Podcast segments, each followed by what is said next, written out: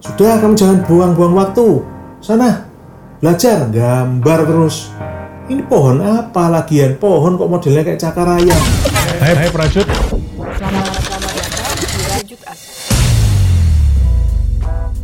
Hai para prajut, saya Nathan dari Rajutasa. Menyambung pembicaraan kita kemarin, bagaimana cara mengenali diri sendiri? Yang pertama, kenali emosi dan perasaan diri kita sendiri. Hal ini kelihatannya sederhana, tapi nggak dengan kenyataannya. Bayangkan, saat terakhir kamu merasa disakiti, reaksimu itu apa? Kamu sedih? Kamu marah?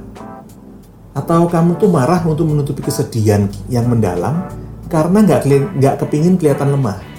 Mengerti perasaan kita yang sebenarnya akan membantu kita mengenal respon kita terhadap lingkungan kita dan akhirnya akan membantu kita untuk belajar menjadi lebih jujur terhadap sendiri dan lebih bijak dalam merespon orang-orang di sekitar kita.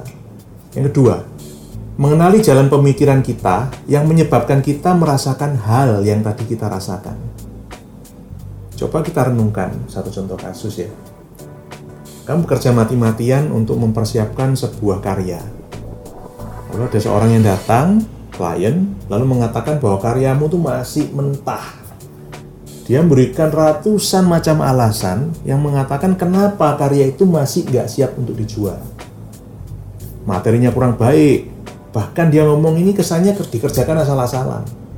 Nah kamu jadi merasa sangat sedih tapi karena kamu nggak kepingin kelihatan sedih atau kelihatan lemah, maka kamu akhirnya menunjukkan ekspresi marah. Kamu akhirnya pergi bawa karyamu, kamu bilang, sudah, aku nggak butuh jual karya ini kepada kamu. Lalu kamu mulai berpikir bahwa kamu sama sekali nggak ngerti seni, kamu nggak paham kamu tuh ngomong apa. Nah sekarang coba kita pelan-pelan kita telusuri. Kenapa sih tadi kok kamu merasa sedih? Waktu orang itu ngomong seperti itu, yang terlintas di bendakmu itu apa? Apakah kamu berpikir, oh aku ini nggak cukup baik? Atau kamu berpikir, aku ini usaha susah-susah nggak dihargai? Apa sebenarnya yang memicu kesedihanmu? Lalu yang terakhir, yang ketiga, coba pikirkan, kapan pertama kali dalam hidupmu kamu memiliki pemikiran seperti itu? Coba tenangkan dirimu dan coba kembali ke masa lalumu. Coba pikirkan kembali, renungkan, kapan sih pertama kali kamu memiliki pemikiran yang jelek seperti tadi? Misalnya, kapan sih kamu pertama kali berpikir kamu tuh nggak cukup baik? Nah, yang terjadi waktu itu tuh apa? Misalnya ya, ada orang berusia tiga tahun dulu, lalu dia gambar untuk ibunya. Lalu dengan sangat antusias pergi ke ibunya, bilang, Bu, bu coba lihat gambar pohonku ini, Bu. Aku gambar ini untuk ibu. Nah, ibunya lagi lagi cuci baju Lalu ibunya berkata, sudah kamu jangan buang-buang waktu.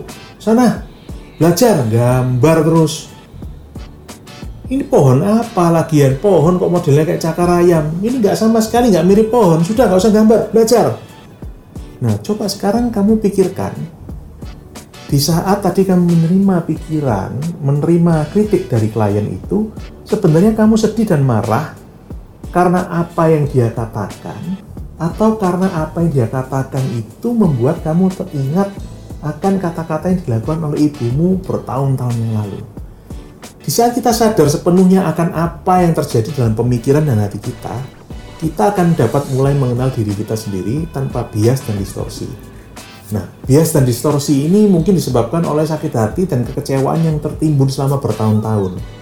Tapi tanpa bias tersebut, kita bisa mulai mengenal apa yang menjadikan diri kita seperti sekarang ini dan apa yang kita inginkan dalam kehidupan kita dan bagaimana sih caranya kita bisa membawa diri kita mencapai angan-angan tersebut. Kalau kita nggak bisa mengatasi bias dan distorsi dalam pemikiran kita, kita akan selalu terjebak dalam sebuah tendensi untuk bereaksi bukan berdasarkan apa yang kita alami hari ini, tapi berdasarkan perasaan yang kita miliki karena kejadian yang terjadi bertahun-tahun yang lalu.